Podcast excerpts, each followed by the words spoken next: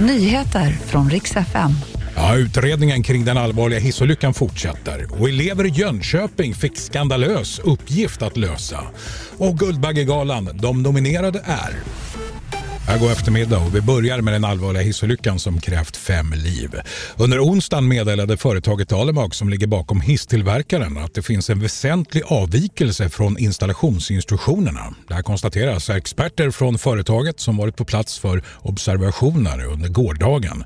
Utifrån de observationerna som gjorts kan man konstatera att två av de mastsektioner som ska hålla hissen på plats inte varit ihopbultade vilket kan vara orsaken till att hisskorgen föll 20 meter mot marken marken. installationen har inte genomförts av Alimak Group skriver företaget i ett pressmeddelande. Och vi ska till Jönköping för eleverna på Per Bra gymnasiet fick en märklig uppgift nämligen att planera ett terrordåd. Och nu stängs den ansvarige läraren av.